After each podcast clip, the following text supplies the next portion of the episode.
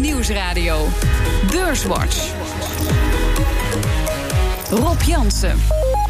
Welkom bij Beurswatch, het beleggingsprogramma op de Nederlandse radio... met Joost van Leenders van Kempen Capital Management... en Stan Westerterp van Bond Capital Partners. Welkom. Uh, beleggers hebben een uh, tamelijk turbulente week achter de rug, kunnen we wel zeggen. China devalueerde zijn munt, rente op staatsobligaties van veel landen zakt in rap tempo. Um, Joost, wat denk je? Blijft die onrust de komende weken uh, nog aanhouden? Of hebben we het ergste misschien nu al, al gezien? Um, nou, ik ben er niet helemaal gerust op. Je ziet natuurlijk wel een paar dingen. Uh, je noemde Italië nog niet. Dat is ook nog eens specifiek voor deze week. Ja. Dus je kunt je afvragen of het elke keer is. Maar um, uh, de handelsoorlog speelt een rol. Dat is niet van de baan. Dus daar komt wel uh, komt de onrust van. En je moet ook niet vergeten dat het allemaal komt tegen een achtergrond van wat minder economische cijfers en mindere winstontwikkeling. ja, wat de nervositeit denk ik wel, wel wat hoger maakt. Ja, denk jij dat ook, Stan, de komende weken?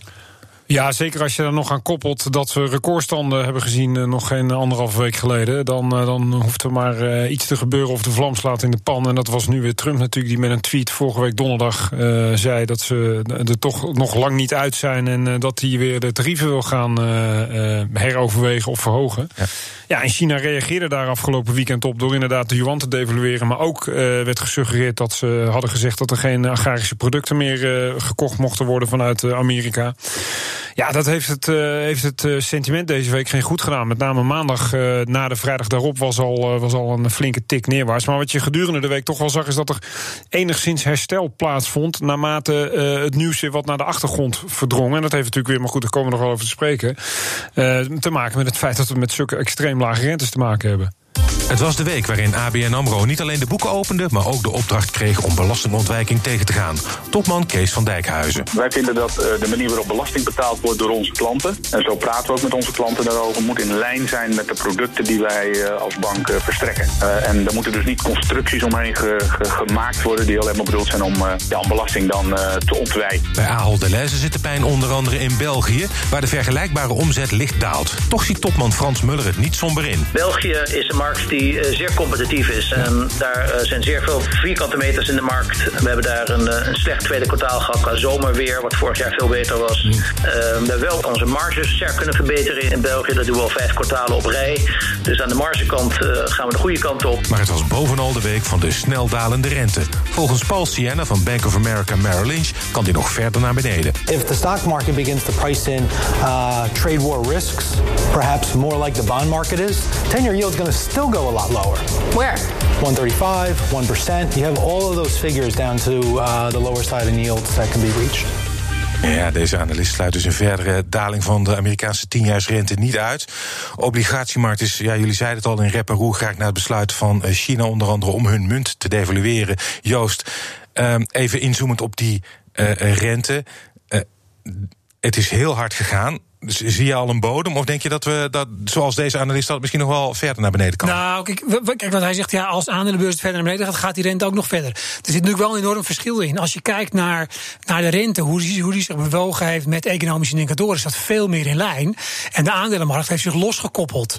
Dus het is niet per se gezegd als die aandelenmarkt nu keert, dat die obligatiemarkt nog verder moet. Je zou eigenlijk kunnen zeggen, het slechte nieuws zit daar behoorlijk in. En in de aandelenmarkt minder. Dus ik, ik, um, uh, die link wil ik niet leggen. Kan het lager? Ja, natuurlijk kan het lager. We zitten nu op 0, min 0,6 in Duitsland. Uh, volgens mij in Zwitserland min 0,9. Ja. Maar um, uh, het is laag. Uh, er zit veel negatief nieuws in. De inflatieverwachtingen zijn ook flink gedaald. De centrale banken hebben hun draai gemaakt. Dat zit in de markt. Dus dan zou je toch een heel eind moeten zijn. Eens dan? Of Uh, nou ja, ik heb een kleine kanttekening daarbij. Natuurlijk ziet het er uh, optisch wel negatief uit. Maar goed, ook het feit dat die rente zo laag is, en hint ik net al een beetje op, betekent dus ook dat er, ja, het, het, er is geen alternatief. Dat wordt eigenlijk alleen maar erger natuurlijk. Uh, sterker nog, je moet gaan bijbetalen nu als je in, in obligaties uh, wil beleggen en je wil de rit helemaal uitzitten. wat Joost al zei, min 0,6 op 10 jaar is Duits papier. maar ook de Amerikanen gaan rap naar beneden toe. En dat betekent wel dat als je nu liquide zit. Ehm, dat het vanzelf weer begint te kriebelen natuurlijk... als je toch uh, be, be, beoogt rendement te behalen. Als, als, ik jou mag vertalen, uh, het legt ook een bodem onder de aandelenkoers. Ja, dat is één. En twee, ik denk ook dat um, het verschil tussen de aandelenwaarderingen en de rentestand...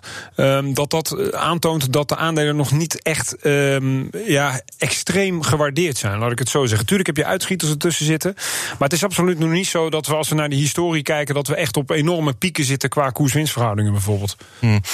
Um, Joost, China heeft zijn munt verlaagd. Um, het lijkt erop alsof China en Amerika tegen elkaar gaan opbonksen om de goedkoopste munt uh, te krijgen. Um, denk jij dat dit ook gaat zich gaat verhevigen? Dat spel met die uh, het drukken van munten, het drukken van de koers, moet ik zeggen. Nou, kijk, ja, officieel is de munt nooit een, uh, nooit een, uh, een target. Hebben de grote centrale banken nooit mm. een doel. Maar er wordt wel rekening mee gehouden. En je ziet natuurlijk nu dat alle centrale banken in de rij staan om te verlagen. Wat, wat op zich wel interessant is. Kijk, de gemiddelde tarieven op, die, op, die, uh, op de Chinese invoer in de Verenigde Staten is nu zeg maar gemiddeld een 12,5 procent. Ze hebben 25 procent of ongeveer de helft van die, dus 12,5 procent. En sinds de, de handelsoorlog is begonnen, is die Chinese munt ook 12,5 procent gedevalueerd. Ja. Dus je zou bijna zeggen, hè, dat, dat past aan het. Dat, dat gebeurt ook wel een beetje. Ik denk, uh, ik denk een beetje tot woede van Trump. Ik denk wat er wel speelt en wat het gevaar is. Ik denk dat dat, dat Trump denkt dat hij China ongeveer op de knie heeft. De Chinese economie op de knie heeft. En denkt, als ik nog even doordruk, dan komen we er. Uh, plus dat hij gewoon denkt dat tarieven goed zijn. Hij zegt, er komt heel veel geld binnen. Prima voor de Verenigde Staten. Dus ja. wij kunnen dat hebben. Dus in die zin uh, is er op dit moment voor Trump, denk ik, geen reden uh, om rustiger aan te doen. Hm. En dat zie je ook. Hè. Het, het, escaleert en dan zeggen we ja, het zal wel niet zo vaart lopen. Elke keer loopt het wel zo'n vaart. Ja. En het gevaar is natuurlijk, uh, je ziet schade in de wereldeconomie ontstaan. In de uitvoer, in de initiële sector. Het slaat een beetje over naar investeringen. Je ziet dat in, in winstcijfers van sommige bedrijven. Je ziet ook waarschuwingen van bedrijven. Het gevaar is dat dat, dat, dat doorzet, dat hij zijn hand overspeelt. Ja. Met als resultante misschien standaard gaat er een winnaar uitkomen hier? Of zijn er alleen maar verliezers op de markt? Nou, volgens mij was de eerste reactie al meteen toen Trump hiermee begon... van een handelsoorlog is niemand bij gebaat. En dat is volgens mij niet veranderd. Dus een, een winnaar, ja, ik denk dat je zo niet moet, moet kijken. Het is gewoon, eh, wat Joost zegt, Trump is uh, overtuigd van zijn eigen gelijk.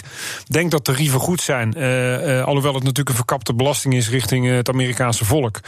Um, en daar komt nog bij, hij heeft dit probleem in principe zelf gecreëerd. Zeker met de manier waarop hij communiceert. maar tegelijkertijd denk ik ook dat het misschien wel een hele verstandige gezet is uh, geweest van hem. Want volgend jaar zijn natuurlijk de verkiezingen. Ja. En dan kan hij niet alleen degene zijn die het probleem heeft gecreëerd. maar hij kan ook degene zijn die het probleem gaat oplossen, natuurlijk. Uh, en daar hadden we voor de uitzending al even discussie over. Gaat die deal er komen net voor de verkiezingen of net na de verkiezingen? Goldman gaat er vanuit, Goldman Sachs gaat er vanuit na de verkiezingen. Ja, nou ja, dat is een goede. Maar dat, dat toont in ieder geval aan dat we de komende twaalf maanden dat er geen deal gaat komen. Dus dat we nog wel wat, uh, wel wat paniekerig daarover kunnen zijn. Of wat angstig, laat ik het zo zeggen. Ja, en dat is wel natuurlijk. dat, dat is vervelend voor beleggers. Tegelijkertijd, zeker Trump heeft ook zijn succes meerdere malen afgemeten aan de stand van de, van de aandelenindices. Ja. Dus die kan zich ook niet veroorloven dat we eh, enkele tientallen procenten gaan dalen als gevolg van deze handelsoorlog. Ja, ja kijk, je kan wel een winnaar bedenken. Hè. Kijk, de, de, maar dat is ook het moeilijke.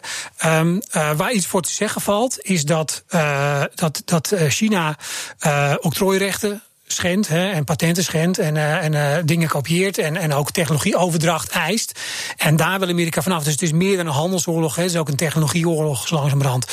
Um, als als Trump daarin concessies van krijg, kan krijgen van China, dan is hij de winnaar. Maar dat gaat veel te ver. Dat gaan de Chinezen gewoon niet doen. Mm. En die denken dan, dat zingen we wel uit. Mm. Uh, misschien totdat Trump niet herkozen wordt. Maar ja. ja. We, we, hebben uh, deze week ook weer wat meer berichten gehoord over de rentecurve. Um, namelijk als de lange rente uh, onder de korte rente zit, dan is dat uh, een indicator dat er een recessie aankomt. Nou, dat heeft zich voorgedaan in Amerika, Canada, Australië. Um, ja, ben jij er ook bang voor, Stan? Nou, daar hebben we al wel eens vaker discussie over gehad. Ja. Het is niet altijd, een indicator is niet 100% betrouwbaar. Nee. Uh, en je moet altijd kijken naar de redenen waarom die invers wordt. En uh, de laatste keer hadden we ook geconcludeerd dat die nu voor gedeelte invers is geworden. Met name omdat die centrale banken allemaal zo aan het, uh, aan het ingrijpen zijn. Hè. De, ja. de, ene is aan het verlagen, de andere is aan het stimuleren. Dus, de, dus dat heeft een drukkend effect zeg maar, op, op die rentes. zowel aan de korte kant als aan de lange kant. Ehm, dus ja, het is, laat ik zo zeggen zeggen. Het is geen goed teken, maar het hoeft ook niet meteen te betekenen dat je volgende kwartaal in een recessie terechtkomt. Denk jij ook dat die indicator door het rentebeleid minder betrouwbaar wordt? Ja, kijk, het is, het is wel een betrouwbare indicator. Want er zijn inderdaad, als je in Amerika kijkt, er zijn eigenlijk twee valse signalen. Eentje ergens in de jaren 60. Maar toen, uh, toen die negatief werd, zag je wel dat de economie sterk afkoelde. Het was net geen recessie, maar je kwam van hele hoge groeiniveaus. En in 98, toen is je heel even invers geweest. was rond de Ruslandcrisis en de, en de, en, en, en, en uh, long-term capital management, grote hedgefonds, wat toen omviel. Dus het is een behoorlijk betrouwbare indicator, met name als hij een paar maanden negatief is. Maar je kunt inderdaad zeggen, omdat de lange rente al zo laag is heb je het gewoon eerder. Die curve is vlak. Hè? Dus um, uh, uh, wat dat betreft zou je kunnen zeggen, uh, deze keer niet. Ja. Maar dat, is, dat zijn gevaarlijke woorden. Ja, en nog even kort. als je kijkt naar Duitsland bijvoorbeeld. daar is nog geen recessie. De industrie zit daar wel in een recessie. Het is nog maar de vraag ja. of het tweede kwartaal een positief groei laat zien in Duitsland. Mm -hmm. is dat een reden? lijkt me wel zorgwekkend. Ja, Zo aan onze dus, oostgrens. dus het kan heel goed in, in een recessie Wat, wat trouwens, wat trouwens ook nog meespeelt, zijn nog, nog twee dingen. Ten eerste, als je groei al laag is, zit je eerder in een recessie. Hm. als, je, als je gemiddelde groei steeds 0,2, 0,3 per kwartaal is, hoeft er niet zoveel vanaf te gaan om negatief te zijn. Zit je eerder in een recessie. Terwijl de groei niet eens zo erg vertraagt. En voor een recessie, voor een echte recessie, heb je excessen nodig. Dus dat betekent hoge inflatie en centrale banken die aan de rem moeten gaan hangen. Of bedrijfsinvesteringen die veel te hoog zijn. Of, of, of schulden die veel te hoog zijn. Dat laatste zie je in sommige delen van de markt, maar niet in zijn algemeenheid. En omdat die excessen er zijn niet zijn, zijn wij er ook voorzichtig mee. Denken wel dat die groei laag is. Dat het zo laag is dat het moeilijk is voor bedrijven om die winstverwachtingen waar te maken. Maar de traditionele oorzaken van een recessie, die zien we niet zo erg. Nee, ja, het is een beetje vrij vertaald ook wat Joost zegt. Misschien, het voelt me waarschijnlijk niet als een recessie... omdat we het over een tiende van procenten hebben, bij wijze van spreken. Ook als Duitsland nou, bijvoorbeeld krimpt, zal het niet ja, dramatisch Als het of nou plus 0,2 of min 0,2 is, technisch recessie. Alleen het klinkt veel zwaarder dan dat het uh, misschien voelt. Zometeen praten we verder over de beurs en economie. Onder andere over de cijfers van Ahold Delhaize en ABN AMRO. BNR Nieuwsradio. BNR Beurswatch. Oké. Okay. We bespreken de belangrijkste ontwikkelingen van deze week. En dat doe ik met Joost van Leenders van Kempen Capital Management en Stan Westerterp van Bond Capital Partners. Eerst maken we de balans op van afgelopen week. De AEX die sloot op 542,2 punten. Dat is 2,2 procent lager dan vorige week. En als we kijken naar de drie grootste stijgers. Uh, op stijgers? Één, precies. Op 1 takeaway.com een plus van 6 procent. En op 2 Galapagos met een plus van 2,1 procent. Wolters Kluwer op plek 3 met een plus van 0,8 in een week tijd. Midcap aandeel dat het best presteerde deze week was PostNL met een plus van 13,1 procent. Dalers. Op 1 ArcelorMittal met een min van 9,8 procent. Egon min 7,8 procent. En ABN AMRO min 6,6 procent. In de midcap uh, was deze week Fugro de grootste daler met een min van 10,2 procent. En de AEX is deze week drie van de vijf handelsdagen lager gesloten. Laten we even inzoomen op uh, ABN AMRO. Heeft uh, net als alle financials op het Damrak een moeilijke week achter de rug. Kwam met cijfers, maar belangrijker Stan, is misschien wel wat ze uh, zeggen over de toekomst. Die ziet er minder rooskleurig uit. Ja. rentemarges kunnen eigenlijk alleen verbeteren als de spaarrentes onder nul duiken. Toen ja. Ralf Hamers daarop zin speelde onlangs was het huis te klein. Ehm, maar moeten we daar niet naartoe onderhand? Ja, zeker, tuurlijk. Ja, gaat gebeuren? Nou ja, als de bank hun rentemarge op peil willen houden, dat hebben we al eerder gezegd, dan, ja. dan zal die gewoon uh, mee moeten lopen met wat de ECB zeg maar uh, van ze vraagt. En ja. dat betekent dus gewoon negatief. Uh, alleen het is heel lastig om dat te verkopen. Mensen zijn altijd gewend geweest om voor hun spaargeld beloond te worden. En nu wordt het meer als kosten maken voor het stallen van je geld. En ik hoor mensen al zeggen, ja, dan gaat iedereen het opnemen, onze kussen leggen. Maar ja, kijk, met 1000 euro is dat prima. Maar als je 100.000 euro op de bank hebt, dan ga je dat volgens mij niet onder je kussen leggen. Nee. Het is natuurlijk, het is natuurlijk wie, wie durft deze stap te zetten, hè? Ja. Dat is natuurlijk uh, dat is het punt nu, denk ja. ik vooral. Dat, dat, zie je, dat zie je ook met zo'n aankondiging. Ja, dat zou misschien wel een gezamenlijke uh, stap moeten worden. Ja, maar ja, dan... Uh, oh, dat is. De kartelwagen dan je broek hangen. Dus ik weet niet nee, dat, maar het moet, het moet gebeuren. Het moet gebeuren. In landen als Japan schijnt dat te gebeuren. Ik geloof in Zwitserland denken ze erover na om boven bepaalde bedragen... Het gebeurt wel in sommige met boven bepaalde... In Nederland ook al. Ja, zeker. Ja, Als je even kijkt naar de cijfers dan van ABN AMRO Nou, dat, dat viel op zich nog wel mee. Wat natuurlijk weer schrikken was, is die, dat eenmalige bedrag van ruim 110 miljoen euro om weer even een paar honderd man aan het werk te zetten om alle klanten door te gaan lichten de komende jaren. Dus daar gaan we allemaal pijn van voelen, zowel de bank zelf als de klanten. Maar goed, blijkbaar is dat nodig om allerlei witwasexcessen of, of, of en wij fraude. belastingaangifte netjes invullen. Precies, ja. het is, het is, je kan je afvragen of een bank ook als politieagent moet acteren. Maar goed, dat is meer een politieke discussie. Maar dat betekent wel dat die kosten gaan inderdaad bij zo'n bank alleen maar omhoog. De, de gaan omlaag. Tenzij zij uh, inderdaad dus die spaarrente fors gaan verlagen of negatief zetten. Ja. Um, Kortom, omzet daalt, kosten gaan omhoog. Ja, dat is nooit een mooi plaatje. En je ziet dat ook terug in de koers van, uh, van ABN AMRO deze week. Ook nog eens dividend gegaan, er zit wat technisch effect in. Maar dat is gewoon uh, dat is heel vervelend. En je zag ook allerlei analisten de dagen daarna eroverheen komen... met allerlei koersverlagingen. Dus het is... Op zich, in, uh, gezien de ontwikkelingen in de markt, valt het nog mee. Ja. Hebben ze, ja. Van de jaren, van, van zo'n vorig jaar... hebben ze een rentemarge redelijk op peil gehouden. Maar inderdaad, als dan zeggen, het is natuurlijk, het is natuurlijk een hele mooie markt. En je ziet, je ziet natuurlijk al die... Je noemde het voor de uitzending zelf ook al, hè, die bankenindex... Ja in Europa, die gaat, uh, dat gaat hard naar beneden. Ja. Gaat hard naar beneden. Ja, sterker nog, die, die index waar 30, de 30 grootste banken in Europa zitten erin. Nou, dat kwam ook wel het Italië-verhaal kwam er ook wel weer in terug, hè? Ja, nu. ja, ja, dat is uh, angst. Ja, maar, die, dan, maar dan nog het, ja, het niveau nee, maart 2009. Dan krijg ik altijd een beetje kippenvel als, als ik daar naar terugkijk. Ja, dat is waar. Toen had je, dan heb je natuurlijk echt dat het op een gegeven moment echt in elkaar klapt.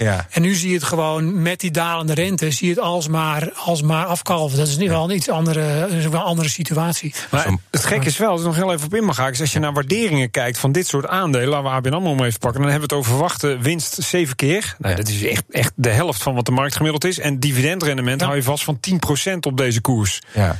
Dat is, daar moet je duizend jaar voor sparen bij de bank, geloof ik, om dat, uh, om dat als uh, dividend of als rendement te krijgen. Maar toch, ik heb, ik heb de rubriek Jansen belegd. Uh, en in het verleden heb ik daar wel eens in aandelen, bankaandelen gestoken. Want ja, nou ja, bankaandelen, rente gaat binnenkort wel stijgen. Maar die rente, die is nee, nee, we zijn twee jaar verder. En die rente, het aandeel kan wel goedkoop zijn, maar daar zit ook een reden achter. Absoluut. en, de renteverwachting is heel belangrijk daarin. En ja, stel je voor dat die gaat stijgen, dan, dan moet iedereen gillend in banken, aandelen en verzekeraars natuurlijk. Maar dat, die verwachting is er gewoon niet. En dat zie je inderdaad uitgedrukt in de koersen van dit soort uh, fondsen. Ja, um, een hele andere tak van sport, Ahold Delhaize.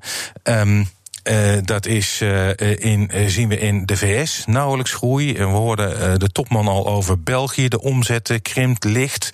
Um, per saldo weinig. Ja, er, zit gewoon weinig rek in.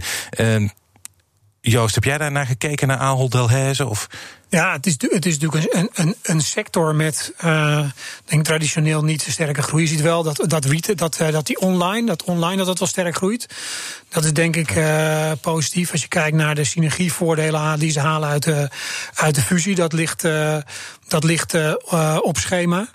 Ehm, maar goed, die omzetgroei is er één ding. En je hebt ook nog eens een sterke concurrentie. Ja. Die in de, in de traditionele tak die, die marges ook wel onder druk zet. Ja, en als je het hebt over retail in het algemeen is dat uh, bij jullie een uh, interessante sector? Of zeggen jullie van nou, dat staat bij ons niet hoog op de lijst? Nee, nou, het is onderdeel van. Wij zitten in Altels, het is onderdeel van, uh, van een gehele portefeuille, denk ik. België viel natuurlijk tegen. nou, de topman zei zelf ook al van ja, er zijn heel veel vierkante meters daar. heel veel supermarkten, dus heel veel concurrentie. Ehm, dat is een beetje het problem child van Ahold Delhaize. Aan de andere kant zijn er ook wel. je had natuurlijk ook een eenmalig effect van stakingen bij Stop ja. Shop in Amerika. Ja. Um, maar aan de andere kant zijn er ook wel, wel opportunities er wordt ook wel eens gesproken door analisten over een, uh, over een fusie van uh, Ahold Delhaize met bijvoorbeeld Kroger in Amerika, die geografisch heel goed op elkaar aan zouden sluiten. Uh, dus geen doublures. Tegelijkertijd zijn je synergievoordelen qua distributie dan ook wat minder. maar dat is wel een, denken wij, een landschap dat in beweging is de komende jaren. Die consolidatie die je eigenlijk al een beetje in ziet gebeuren, dat, dat, dat er reden voor is om dat verder door te laten gaan. Dus de Verenigde Staten ook om een vuist te maken tegen Walmart en, en, Amazon. Amazon maar ja. Ik denk met die fusie net achter de rug. Nee, het zal niet meteen zijn. Dan, uh, nee, kan nog even duren. Zullen ze denk ik wel even rust willen hebben, ja. ja. Uh, iets heel anders al is dat ook heel erg retail gerelateerd. Dat is vastgoed. Um, over het algemeen is uh, lage rente wel gunstig voor vastgoedbedrijven. Toch zie je bijvoorbeeld dat winkelpanden in Nederland... nu ook op, toploca op toplocaties in waarde dalen. In de midgap daalde deze week de vastgoedfondsen fors. Er zit ook veel retail in. Um, Joost interessant? Of, of is dat nu interessant geprijsd? Of wat, hoe, hoe, kijk jij aan tegen de vastgoedsector? Nou, ik heb even aan onze aan beheerders van ons vast, vastgoedfonds gevraagd. En die zijn inderdaad ook niet zo positief over, over retail. Omdat die huren ook gewoon onder druk staan. En dat is natuurlijk je, je inkomstenstroom voor vastgoedbeleggers. Je hebt eigenlijk vier categorieën. Ehm, dan heb je logistiek. Logistiek doet het goed, is populair ook bij beleggers. daar zie je wel huurstijging. Hm. Maar dat is ondertussen behoorlijk duur. En het op zich, het aanbod is redelijk onder controle. Maar dat is wel, kan wel snel bijgebouwd worden. Dus daar, daar zit je eigenlijk helemaal een beetje aan de andere kant. Doet het goed, maar is duur. En dan heb je kantoorpand en appartementen. Daar zijn ze eigenlijk wat, uh, wat, uh, wat positiever over. Uh, en je hebt een aantal niches in vastgoed. Hè. dus van die persoonlijke, persoonlijke opslag, opslagruimte. Of um, ja, dat noem je medical office buildings. Waar, dus waar, waar, waar huisartsen en tandarts ook bij elkaar zitten. Mm -hmm. Omdat je een verschuiving ziet vanuit de ziekenhuizen naar die zorg. Dus dat is goed. En allerlei dingen rond universiteiten, technologie, uh, biotechnologie. Pan, dat soort panden. Maar dat zijn meer de niches. Maar eigenlijk als je naar de grote categorieën kijkt, aan de ene kant, het is laag gewaardeerd. He, uh, uh, retail is laag gewaardeerd, maar het is onder druk. Logistiek gaat goed, maar is duur. En dan heb je daar tussendoor, heb, tussendoor heb je andere categorieën. Stan, waar ik in deze dagen van tumult ook veel lees, tegenkom goud. Goud is enorm gestegen. Ook de bitcoin is gestegen. Um, nou heb ik hier weinig gasten gehad die enthousiast zijn over de bitcoin. uh, ik weet niet hoe dat bij jullie zit. Maar grondstoffen, uh, vind je dat een, iets interessants voor uh, beleggers? Nou ja, kijk, in het, in het kader van risicospreiding en correlaties verlagen in, binnen de portefeuille wel. Nooit als single investment. dus dat je alleen in grondstoffen gaat. Uh, en ja, tegelijkertijd, uh, wanneer doen grondstoffen het goed? Als de inflatie, of het is eigenlijk een afgeleider daarvan natuurlijk ook. Ja, ja dat is nu, daar is er geen sprake van, wereldwijd niet. Uh, nee. nauwelijks. Dus ja, is dat een reden om dan vol in grondstoffen te gaan? We hebben het wel een stukje, maar met name inderdaad om de spreiding in de portefeuille, noodzakelijke spreiding aan te brengen. Joost, mee eens? Ja, op zich mee eens. Kijk, je, je hebt natuurlijk wel heel verschillende grondstoffen. Hè. Die inflatie-hedge, dat zit meer in, uh, in de olie en de basismetalen. Uh, ja, goud heeft natuurlijk een soort van veilige, veilige status, veilige havenstatus. Waar het nu van profiteert. Uh, ook, ook een lage rente natuurlijk. Van, hè, nou, dan doen we daar weer een beetje in. Maar helemaal met z'n allen eens, dat, dat, dat, dat moet binnen een portefeuille. Ja. Moet je dat doen. En er zit geen inkomstenstroom op. Dus in die zin is het, is het voor een groot deel speculeren. Ja. In plaats van beleggen. Ja, en, uh, Zeker voor bitcoin. En, ja, de bitcoin goud, is bij jullie nog bitcoin noemen, verboden woord. Bitcoin noemen we allebei niet eens. Nou ja, goed, wij doen er, wij doen er in beleggingsoptiek helemaal niks mee. Dat, dat hm. Misschien verandert geld hetzelfde. En het is interessant om dat met dat goud te noemen, want goud is redelijk normaal ja. binnen portefeuilles. En dan kun je zeggen, ja, voor allebei geld. Er is geen inkomstenstroom. Het is een beetje wat de gekke voor geeft. Ja. Dus in die zin zou je het gelijk kunnen behandelen. Ja, uh, ja en goud grondstoffen, uh, dat, is, dat, is, dat is wel, wordt wel gezien als een reguliere beleggingscategorie. Ja. En bitcoin niet, ja. ja. Er zijn ook wat Amerikaanse uh, bedrijven gekomen met cijfers, uh, zoals Disney. Ja. Um, heeft het niet goed gedaan op die cijfers. Met name streamingdiensten wordt verlies geleden. Ja. Um, Stan, tegenvaller? Ja, uh, maar ja, kijk, Disney is natuurlijk zo'n conglomeraat. Je hebt het nu over streaming, we hebben het over television networks, we hebben het over de studio's, we hebben het over de, de, de pretparken. Um, en als je dat allemaal op een hoop gooit, dan viel het inderdaad uh, wat tegen. Alleen in die verschillende business segmenten zie je wel bijvoorbeeld de, de filmstudio's. Ik geloof dat de top vijf beste films van, uh, van, van dit jaar zijn allemaal van Disney. Ja. Uh, dus dat geeft me aan dat het vrij, vrij aardig gaat daar. En het is natuurlijk echt een, ja, een, een bedrijf dat in sommige aspecten van de entertainmenthoek gewoon echt de marktleider is by far. En alles wat er, uh, wat er, wat eronder valt en wat uh, dreigend succesvol wordt, wordt gewoon overgenomen door, uh, door deze jongens. 20th Century Fox natuurlijk. Dus um, ja, het is een prachtig bedrijf. Ik denk wel dat het een bedrijf is voor de lange termijn, wat gewoon zo, de, de, de, natuurlijk een kwartaalcijfer kan het dan een keer wat tegenvallen. Mm -hmm. Maar over het algemeen dat het goed draait. Er wordt wel vaak gesproken ook eventueel over een split-off. Met name die television networks, dat cord cutting, dat het kabel doorknippen is echt wel een probleem in Amerika. Dat alles gaat via het internet en streaming. Ja. Um, om dat misschien los te weken en dan ja. nog meer waarde uit het bedrijf uh, te halen. Ja, um ook deze week uh, Uber of Uber, uh, hoe je het ook maar wil uh, uitspreken. volgens mij voor het eerst sinds de beurs genoteerd zijn deze cijfers. Een, een, verlies van miljarden. ja, maar dat is, verlies is natuurlijk subjectief. Ik bedoel, dat ligt er maar net aan hoe de boekhouder bepaalde kosten laat vallen in die zin. Zeker als het over één specifiek kwartaal is. Maar structureel is het natuurlijk geen goed teken. Waar met name dit soort bedrijven overigens naar gekeken wordt, is hoe is de groei van de onderneming. En die viel gewoon ook echt wel tegen. En dat zie je dus nu ook op, uh, op, de, op de beurs tot uitinkomen in het aandeel dat, uh, dat flink in het rood staat. Uh, de vraag is: ehm, het bedrijf, het, het, netwerk, het platform Uber, ehm, wat is dat waard? Want als je kijkt naar de, de basisdienst, hè, gewoon een, ja, een soort veredelde taxidienst, ja. daar moet je enorm veel volume voor hebben met lage marges om dat winstgevend te maken. En dat, daar zijn ze tot nu toe nog niet in geslaagd. en de vraag is of dat überhaupt ooit gaat gebeuren. Überhaupt, dat is een mooie Überhaupt, ja, ja.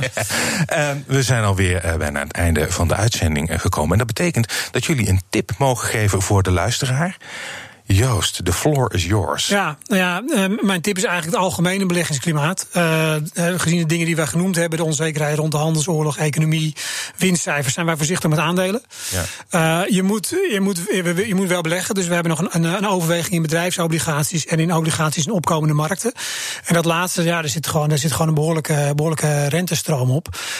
waarbij je moet voorzichtig zijn als het slechter wordt, dan, dan, dan kunnen die landen ook onder druk komen te staan. Maar we denken niet dat het zo slecht is. Dus we we genieten nog van de hogere rente daar. Oké, okay. obligaties. Stan, jij bent een aandelenman. Ja, ik kan me niet voorstellen dat jij. Nou, zegt... ik kan me wel vinden in het opkomende obligatieverhaal van Joost. Alhoewel daar valuta natuurlijk altijd wel een, een risico is. Ja. Als je local currency. Ja. Uh, maar aandelen, ja, wij, uh, absoluut. En dan denken wij toch, als het when the shit hits the fan, zoals de Amerikanen zo mooi zeggen, ja, dan moet je eigenlijk gewoon in de thuismarkt zijn van aandelen. Dat is de Amerikaanse markt. En we denken dat het daar de, de klap eventueel, als die al komt, wel mee zal vallen. En dan kijken wij toch met name naar kwaliteitsbedrijven in de groei, technologiehoek, uh, die relatief in mijn uh, opinie goedkoop zijn. Dan hebben we het over bedrijven als Google, uh, Apple, Booking. Kwamen allemaal met fantastische ja, cijfers.